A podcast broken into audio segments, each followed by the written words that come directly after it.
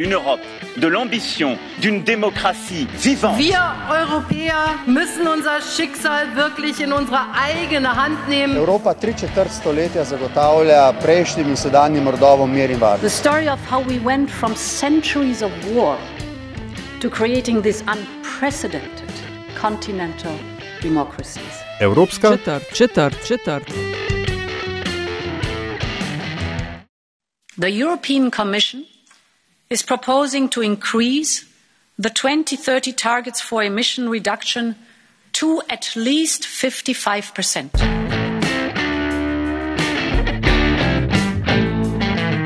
Spoštovane in cenjeni, dobrodošli v podkastu Evropska četrt, podkastu o vsem, kar vas bo zanimalo o Evropski uniji, pa niste vedeli, koga vprašati. Evropsko četrt vodiva Aljaš Pengov Bitenc in Nataša Briški. Podcast domujem na spletni postaji metina.com, v vašem nabiralniku pa sveža epizoda takoj, ko je na voljo. do 22. septembra poteka že tradicionalni Evropski teden mobilnosti, čas, ko se navadno celoten politični razred usede na vlak ali na kolo za zdravo telo in razglasi novo revolucijo mobilnosti. In ravno to sva želela s to epizodo, se pravi, eh, posneti epizodo o mobilnosti, izhajajoč iz eh, kolesarskega buma, ki je bil viden zelo nadaleč v tej eh, pandemiji, in zanimal na- naj bo seveda tudi evropski kontekst, eh, malo pravila igre, najboljši in kam se tu uvršča Slovenija. Resnica ljubo stvari se premikajo, ne? že iz letala se vidi, da se nas dan današnji s kolesom ali pa z drugimi alternativnimi oblikami mobilnosti premika več kot pred recimo desetimi leti, ampak vprašanja so seveda, ali se stvari premikajo dovolj hitro in ali se zdaj v času koronavirusa sploh še premikajo. In Nataša za to, da bi poiskala odgovore na, ta vprašanja, sva poklicala nekoga, ki se na to spozna. Sem Nataša Koražija, novinarka časnika Finance. Na časniku Finance urejam portal Transport in Logistika in so urejam trajnostno mobilnost. Nataša, najlepša hvala, da si se nama pridružila v Evropski četrti. Uh, se pravi, korona kriza je, kot je Aljaž že omenil, marsikaj postavila na glavo, na novo se rišejo uh, prioriteta. Bomo šli na vozilo natančno, ampak najprej um, čist uh, tvoja misel, tvoj komentar, kako je pandemija preoblikovala mobilnost, če jo je. Je pandemija je vplivala na gospodarstvo in na življenje kompletno, na vsakega posameznika in pol tudi na način, kako smo se premikali. Takrat, ko smo bili v lockdownu, smo se premikali samo v okolici svojih hiš, pa domov. Z- Potem smo se začeli premikati malo bolj, zdaj pa smo raz, različno po različnih vrstah prometa. Pri letalskemu je najbolj užgalo. Tam se vidi, da je Brnik je na približno 90 odstotkov nižje, kot je bil lani v tem času. Hm. Uh, Odliča. Ja, to je kar orang. Lej, bomo šli še na letala. Uh, jaz predlagam, da začnemo, ali pa me kar takoj popravi, če nimam prav. A so proizvajalci koles zmagovalci pandemije? Uh, Narekovajo. ne? Ja, glede na prodajo, verjetno res. Uh, mislim, zdaj, da bi eh, obstajale uradne statistike o prodaji koles, tega sicer ni, ker na Sursu tega ne zbirajo, tako kot se zbira recimo za avtomobile pri vsaki novi registraciji. Pri kolesih tega ni, ampak mi na časniku finance smo naredili do zdaj že ene par uh, anket med prodajalci in večinoma poročajo o 30 do 70 odstotni višji prodaji glede na lani. Jaz moram tukaj dodati um, se pravi, anekdo, anekdotno izkušnjo ankete enega, ne, na vzorcu enega. To poletje v Sloveniji, vsaj v Sloveniji, pa tudi drugače, po Luksemburgu in tako dalje, se je zelo težko, če ne skoraj nemogoče, dobili nove kolesa in tudi pripadajočo opremo. Tako da to bi kar se strinjal, ne, oziroma potrdil iz terena te izkušnje, ki ste jih. Uh, Sigurno je, ja, ne sam. Um, uh, Pri določenih vrstah so res čakalne dobe, sploh pri novih, uh, pri, pri novih serijah. Uh -huh. no. Če hočeš, da za modele 2021 bojo še sploh problemi, tako že zdaj naprej napovedujejo prodajalci, ker večina uh, sestavnih delov nastaja na kitajskem in pri dobavah iz Kitajske so še vedno zamiki. A pa imaš morda kakšen podatek, eh, ok, za Slovenijo ga ni, razen recimo teh anket ali pa čist našega doživljanja, ker vsem vidimo, da so, smo več na kolesih. Eh, kar se prodaje tiče po EU, kje na nizozemskem verjetno najbolj kolesarijo, kje, kje je tukaj Slovenija v nekem evropskem kontekstu? V bistvu eh, primerja, mislim, je težko najti take statistike, da bi res držali. Zdaj recimo. Um, mislim, da bi bile res povedne. Nizozemska prednjači, sigurno pri tej kolesarski kulturi, pa Danska, recimo. Zdaj, razlika glavna med Dansko, pa Nizozemsko, pa Slovenijo je v ne toliko, verjetno niti ni toliko v številu koles, po moje je bolj v infrastrukturi no, za kolesarje.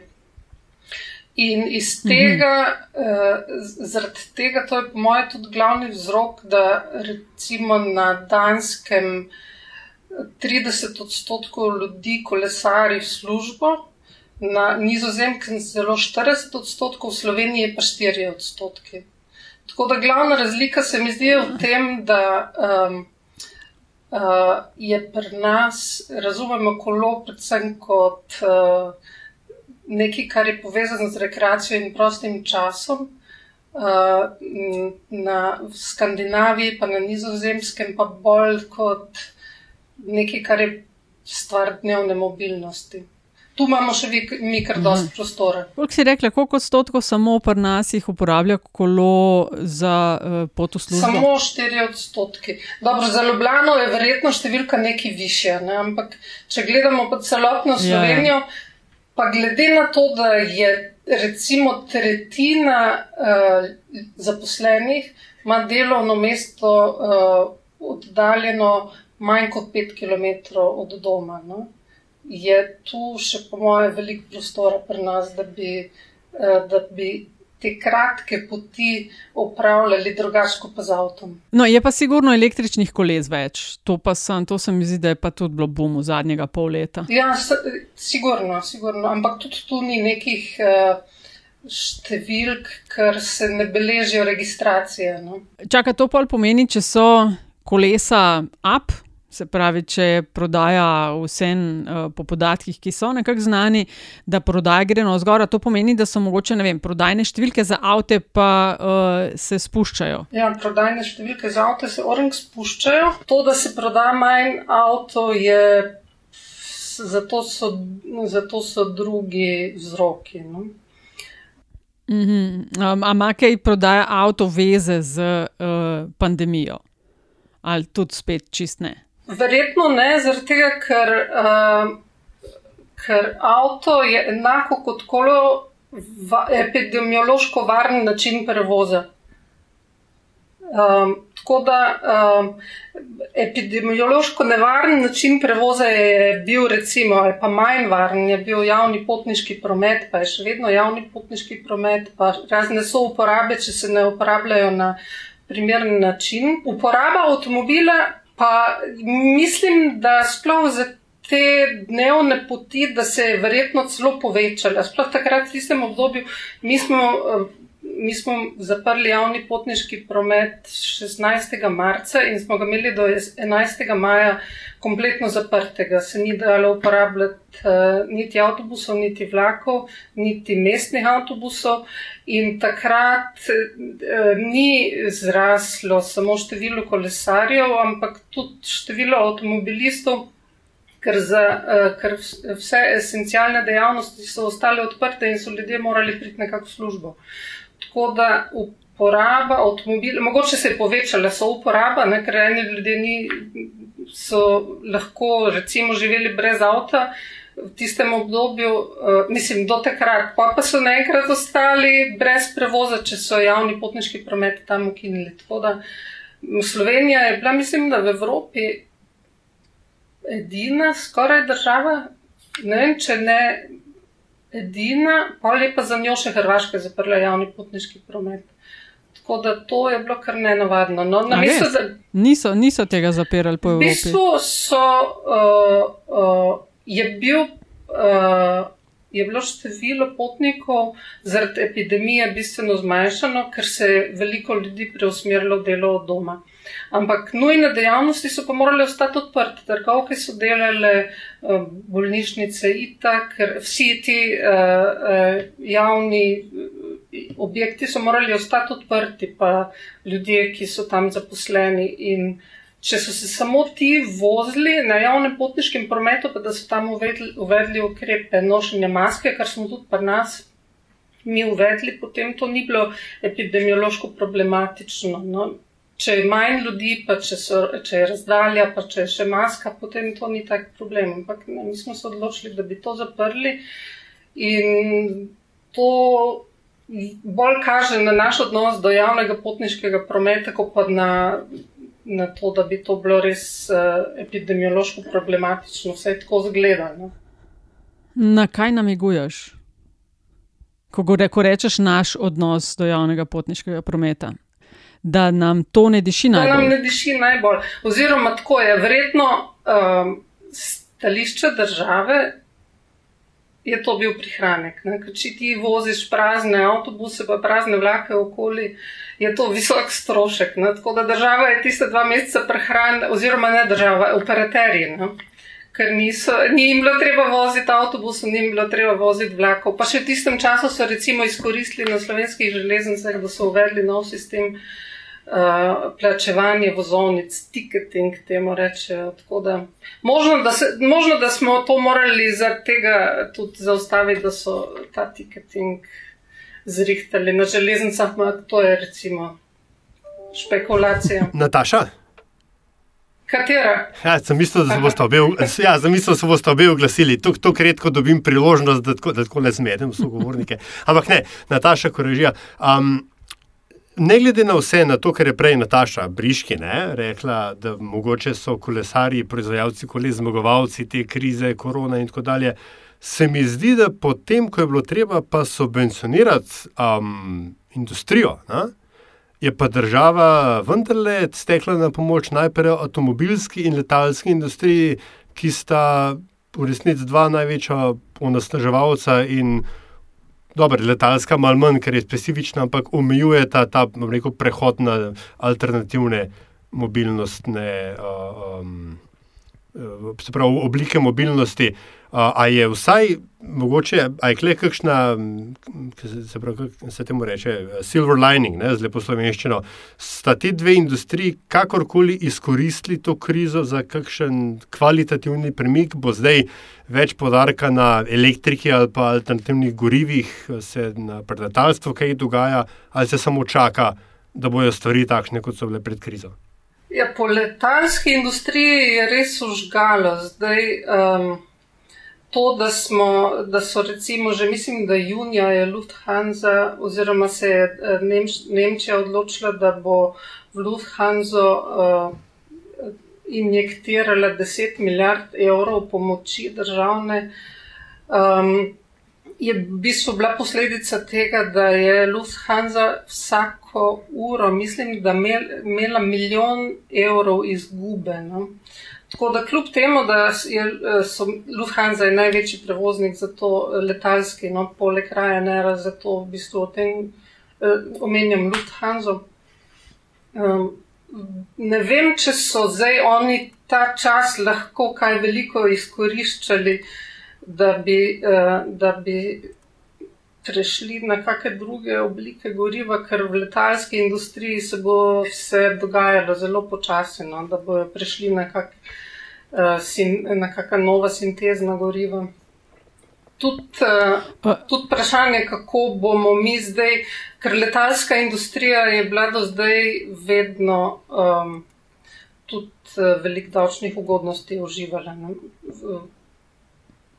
Mi ne plačujemo Še ful- davkov na vozovnice, ne plačujemo davkov na letalske družbe, ne plačujejo davkov na nakup letal, na kerozin. Tako da Oni so že zdaj uživali toliko davčnih izjem, ki jih niso uporabili ravno zato, da bi prišli na kakšne bolj čiste oblike mobilnosti, nažalost. No, v bistvu so jih ti novi tekmeci, razni Ryanairi, pa nizkocenovci, prisilili v neko konkurenčno vojno, v kateri so se z drugimi stvarmi ukvarjali, ne pa toliko.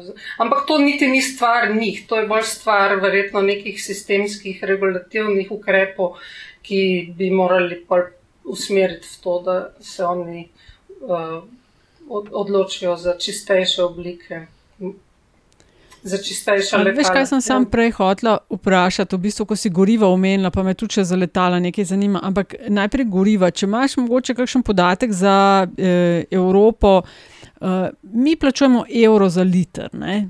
Trenutno in to je zdaj že kar par mesecev, in vsem, ki smo vozniki in voznice, je to verjetno uh, zelo všeč in se uh, pokaže prihranek. Uh, kako se bo pa to kazalo na mošnji uh, državni. A so to tudi druge po Evropi uh, šli za vem, eno tretjino dol, ali koliko smo približno mišli eno četrtino, ali kakšne je v tem pa, pogledu? V bistvu se je, precej, se je uh, najbolj cena surove nafte znižala. Uh, Zaradi tega, ker je nafte naenkrat bilo preveč, se je bilo tudi eno obdobje, ki je bila negativna cena, ker je bilo v bistvu uh mhm. -huh. treba sprazniti skladišče, da, ker je bilo zdržavanje. In so jo še plačvali, da so vzeli. In so ja. plačvali, če je kdo ta skladišče sprazno. Ja. Tako da ne vem, če je država šla v kakšne ukrepe, da je zniževala takse. Mislim, da je bolj šlo za to, da se je cena vhodnih surovin toliko znižala. Uh, Uh, je pa vedno, zdaj, ko gledamo, mi, mi ko računamo svoje stroške mobilnosti, ne, vedno računamo stroške tega enega evra za liter goriva. Ja. Če, pa, uh, če pa država računa stroške mobilnosti, so pa ti precej drugačni, ker tu je pa treba še eksterne stroške računati. Tu zdaj ne vem, uh, uh, ti si verjetno imela eno drugo stvar v mislih, ko si me to vprašala, ampak mislim, da je tu velika razlika med uh, stroški mobilnosti, kadar računa vsak posameznik, tisto, kar on plača, ko računa amortizacijo avtomobila, pa stroške goriva. Če pa država računa, mora pa še vse ostale stroške zračunati zraven in ti eksterni stroški. Mislim, da je tu en ključ, oziroma da je v teh eksternih stroških eno orodje, kater, s katerim si, bo mora, si bojo morali regulatorji v prihodnje pomagati, da bojo spodbudili uh, čistejše oblike mobilnosti. Ker... Mhm. Ne, v bistvu me je zanimalo, čisto, ali so tudi druge po Evropi uh, v času krize, uh, da pomagajo ljudem in tako dalje, znižali cene benzina. Pa predvsem je gorivo cenejše zaradi cenejših vhodnih surovin. Aha, ker v Italiji, ki sem bila, sem ja. plačvala med 1,35 in 1,6, pri nas je 1 evro. Kaj pa v Italijo hodiš? Ja, koliko imate pa v Luksemburgu? No? Noče še vedeti. Hočem, dej ta hip je, mislim, da je 0,95 dizel. Ne? Ja. A ja, dizel, kdo še tanka dizel, za benzin, ja, povej, navada, ja, 95. Ok, pust. Pa se čak, pet, čak, se 95 tudi v Sloveniji ni evro, dizel je evro. Ne, ne benzin je evro. Andraš, mene pa ena stvar zanima za Luksemburg. Ja, izvolite. Vi ste v Luksemburgu ne bi ravno takrat na začetku epidemije šli v brezplačni javni potniški promet. Ja, in to se je in, šlo. In, je to, in kako to je zgleda zdaj? Ja, neč tako prej. Ja, veš, v Luksemburgu je, ni išel cena promet, javnega prometa. Ne. Ta je bila že takrat smešno nizka. Ti si imel uh, 4 evre, je bila recimo celodnevna avtobusna karta, pri čemer so plače. Praviš tukaj za faktor 3 ali pa 2, recimo v Sloveniji. V Sloveniji uh, da mi tukaj bil problem mreža. Luksemburg se je tako hitro razvil, uh, da je v zadnjih 15-20 letih mreža javnega prometa ni sledila. Poleg tega so zelo vezani na sosednje države, Nemčija, Francija, Belgija, kjer sploh železnica tudi ni čisto vse sinhronizirana in potem se pač folk vozi z avtobusi, mislim, z avti in je. Tako kot doma, ne, so ja, javni promet rezerviran za penze, če pa za šolarje. Ne. Še vedno, tako da nekega, neke hude razlike ni, to hočem reči. No. Mm -hmm. Žal, žal, ampak tako, tako je. No. Že, že, že takrat se je to vedel, da gre v bistvu za predvoljivni gimik eh, vlade, ki ga je potem morala izpolniti po volitvah. Ne. In zdaj smo, zdaj so, kjer so. Jaz se ne pretražujem, ni pa, nekam, ni pa neke blazne spremembe. Ne. Mm -hmm. Ja, pri nas je vsaj v tem pogledu za upokojence, ne? za izvenmestni potniški uh mhm. -huh. promet, je, je za ston. Pa mislim, da so tudi inicijative živahne, da bi v samem mestu, v prestolnici, ja. uh, bilo tudi to cenejš ali pa za ston. No, ker sem izkočil in uh, se najavlja že celo leto, pa predtem deset let po stotih letih uh, bo k nam naj bi no oktobra spet pripeljal vlak. A končno, ja, ja. ja super. Ja. Uh, a so Nataša še kakšne stvari za omeniti v zvezi z um, letalskim prometom, kako se je spremenil v zadnjega pol leta, kakšne izgube toče, ali pa kaj to lahko pomeni za naprej? A bomo še lahko kupovali to, to, karte ja, za, mene, za mene 10, ja. 20, 30, 50 evrov? Ali so, ali je teh časov konec? Težko je reči. Zdaj lahko pričakujemo oboje. Lahko pričakujemo cenovno vojno še naprej, še sploh eh, nizko cenovci, če bojo uspeli to preživeti, ker glavna razlika je zdaj med tem, da.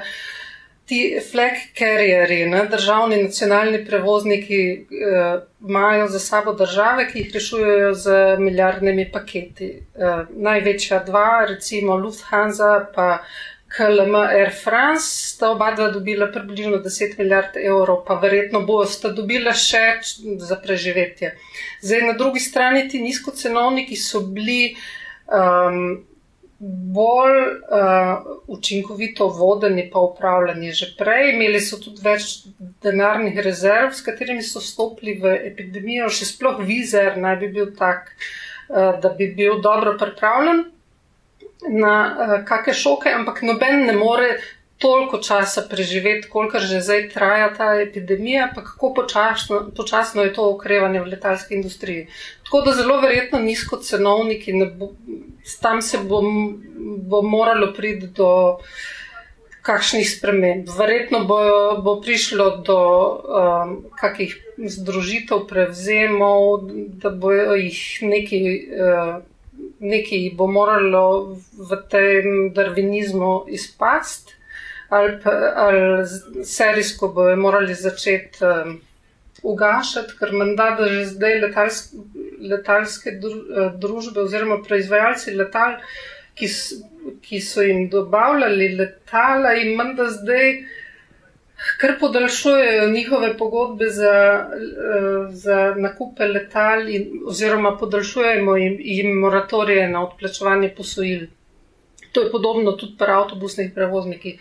Tako da vprašanje, vse je odvisno od tega, kako dolgo bo ta epidemija trajala, kdo bo preživel, pa kako kako bojo našli vire za to, da bojo preživeli nizkocenovniki. Ne? Ampak zna biti, da je pa konec tega obdobja letenja za 10 evrov. Sploh, če bojo tu države eh, ukrepale na način, da se bojo dogovorile, da je treba ustrezno obdavčiti letalske prevoznike, pa letalski promet na splošno. Če se moče vrnemo nazaj na Slovenijo in pač njen prostor v raznih evropskih uh, mobilnostnih politikah. Um, a, ma, a Slovenija ima ta prostor, ga um, sooblikuje ali sploh ve, kaj hoče, kako bo se njen promet razvijal. Zdaj, veliko se govori o drugem tiru, ne? ta je, um, bo zelo dober za prevoz tovora. Kaj pa prevoz ljudi? Ja, zdaj imamo infrastrukturnega ministra, mladega Jrneja Vrtovca, ki nenadoma govori o tem, da ne bo noben problem zdaj najti milijard za posodobitev železnic, za modernizacijo novih odsekov. Ne. Mi smo to progo do Kočevja, ki se je prej omenjala, mislim, da smo gradili 11-12 let, mislim, da od leta 2008 se gradi. Ja, in konec 19. stoletja je ta ista proga zrasla v dveh letih. Mi smo gradili to progo, ki ne vem, če je stala več kot 100 milijonov. To, da, ni, da je bilo težko vsako leto najti 10 milijonov evrov, slabih 10 milijonov evrov za to, da se je nadaljevala gradnja. Zdaj pa kar naenkrat ta minister nov eh, za infrastrukturo pravi, da ne bo problem niti, ker ko bomo mi zgradili drugi tir, pa če bo res začel naraščati promet iz Luke Koper, bo teh tovornih vlakov na, čez Slovenijo. Že zdaj mislim, da gre tam okoli 80-100 vlakov, kadar deluje Luka Koper na polno uh, po tem tiru iz uh, Primorske proti Ljubljani. No, se pravi, da gre tudi čez najbolj poseljeno območje v Ljubljani, čez Rožno dolino, čez Vič, čez center mesta in potem naprej do zaloga. Uh, in bo glavni problem bo tu zdaj, kako uh, narediti obvoz, ker bi so si Ljubljana težko prvoši 200-300 vlakov na dan. Že zdaj jih je manj, da 200, če še potniške zraven štejemo, pa še ves tisti promet iz um, Trsta. Tam jih sicer ni veliko, ampak nekih 10-20 vlakov na dan tja, tam pride uh, tovrnih. Tako da ta promet bo treba regulirati in to je par milijard. In vrtovec pravi, da tudi to ne bo problem najti, teh par milijard, da zgradimo uh, bodi si obvoznico za tovrni promet skozi Ljubljano ali pa da poglobimo. Ja, oh, čak, poglobitev, te zgodbe se pa spomnim. Kje se mora to začeti, pri Vrhnki, ne vem. Ne, ne, 200, 200 milijard je krožila ena cifra, da ne bi to šlo. Ne, se to verjetno ni 200 milijard, ampak uh, težko je reči, kje bi sploh bila trasa. No? Kje bi se, ne, uh, mislim, ker ta proga še ni umeščena. Mislim, če bi šlo za poglobitev. Ne rabiš trase, to je prednost poglobitve. Ne vem pa, kako lahko ti poglabljaš, ob tem, da uh, promet še vedno deluje, ker drugače moraš luko kopr za dve leti zapreti, no? če poglabljaš tako, da zapreš promet čez Ljubljano. Tako da. Hmm. Tu, še ni, tu še ni neke pametne, nekega pametnega predloga in mislim, da se že ne 30 let, 40 let pogovarjamo o teh rešitvah za to vrni promet skozi Ljubljano. Se pravi, Nataša, če povzamem, kar smo povedali, ja, je videti, da se je prodaja koles povečala. Uh, pri nas, za razliko od kakšnih drugih držav Evropske unije, uh, so problem mogoče kolesarske trase ali pa to, da jih je premalo, eh, da je pandemija hudo prizadela letalski promet, eh, da je upadla prodaja avtomobilov, ampak ne nujno zaradi pandemije. Ne? In. Uh. Ja, prodaja avtomobilov je upadla za en, mislim, da avgusta za 20 odstotkov, spet, da nekje za 30 odstotkov smo nižje od januarja do, do zdaj, do konca avgusta prodaji avtomobilov. Nismo pa nižje, po moje, pri številu prepeljanih avtomobilov, razen pač pri turističnem tranzitu, tam smo pa sigurno nižje. Uh -huh. uh, in da uh, o javnem potniškem prometu se vse resneje ali pa vse bolj razmišlja.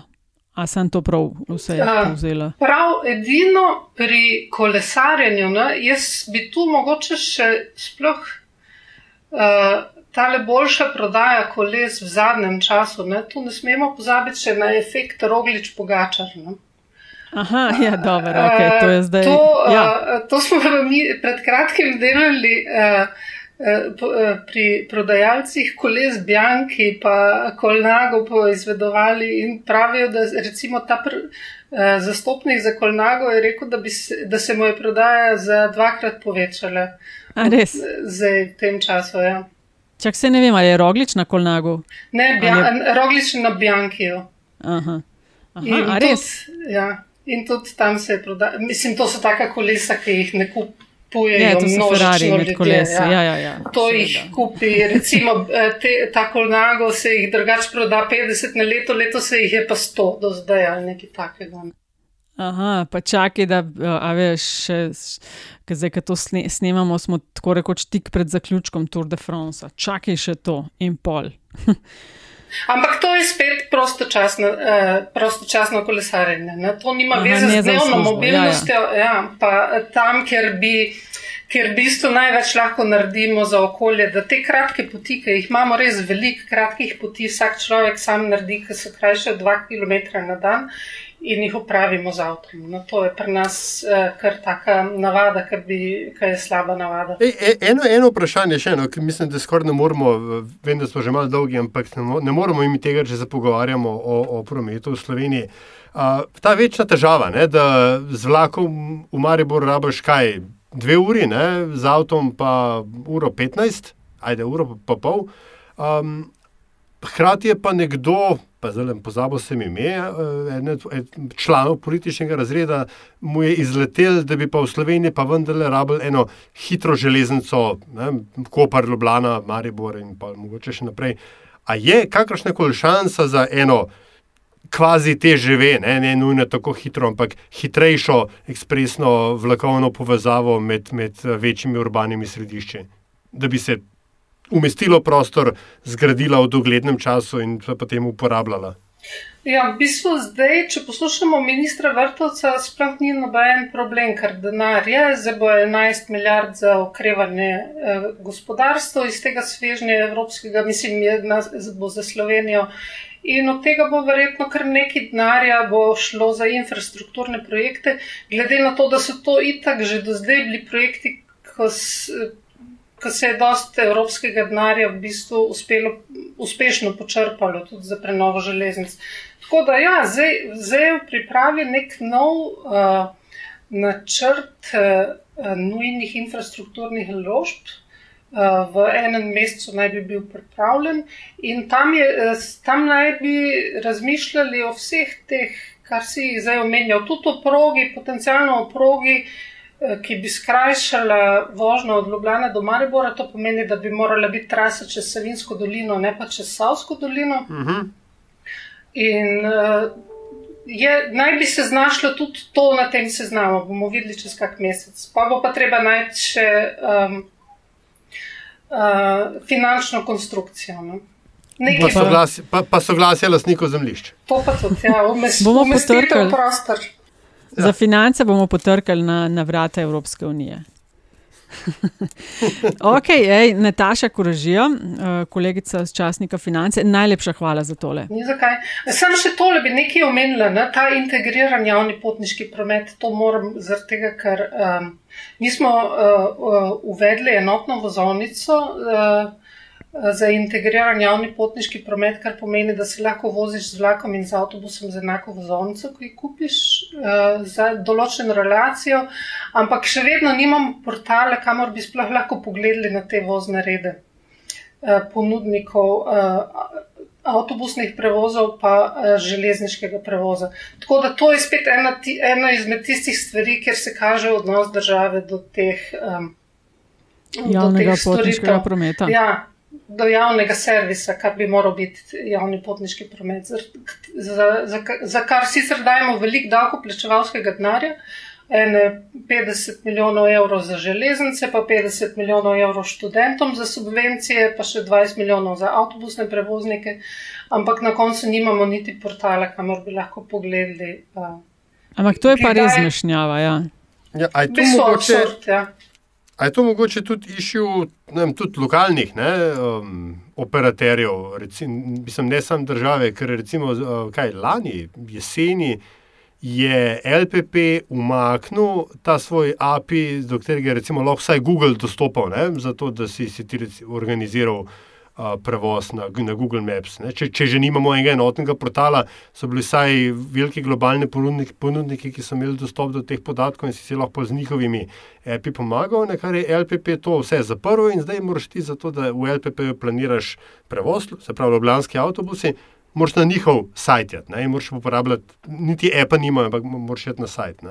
Ali je to mogoče tudi klema, to nerazumevanje integracije prometa, da nisem na državni, tudi na lokalni ravni? Delno tudi, ampak v bistvu ideja integriranega javnega potniškega prometa je ravno v tem, da ti vse ponudnike združiš, ker je tako vsem daje denar, ali država ali občine, za ta lokalni promet daje občine, ampak tisto, kar imaš na ravni države, bi res moral imeti povezano. Ne?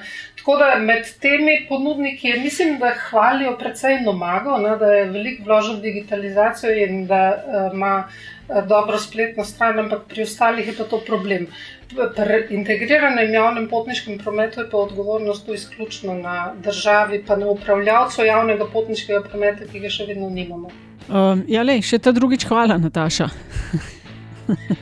Še kdaj? Upam, da te Hvala. lahko pocukava za rokav, ko bo iskala odgovore na vprašanja v zvezi s transportom, mobilnostjo in podobnimi stvarmi.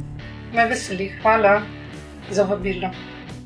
To je bila torej Evropska četrt, 56. v podkastu Vesolju. Hvala za vašo pozornost, predlogi, mnenja zelo dobrodošli. Hvala tudi za pohvale in kritike, ki jih delite z nama, in res hvala za investicije, ki jih namenjate razvoju in produkciji naših vsebin.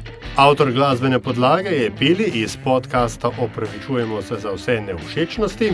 Če vam je vsebina všeč, bo pomagalo, da nas najde še kdo, če naj jo ocenite pri vašem izbranem podcast ponudniku, sicer pa hvala za vašo družbo in se slišimo spet k malu.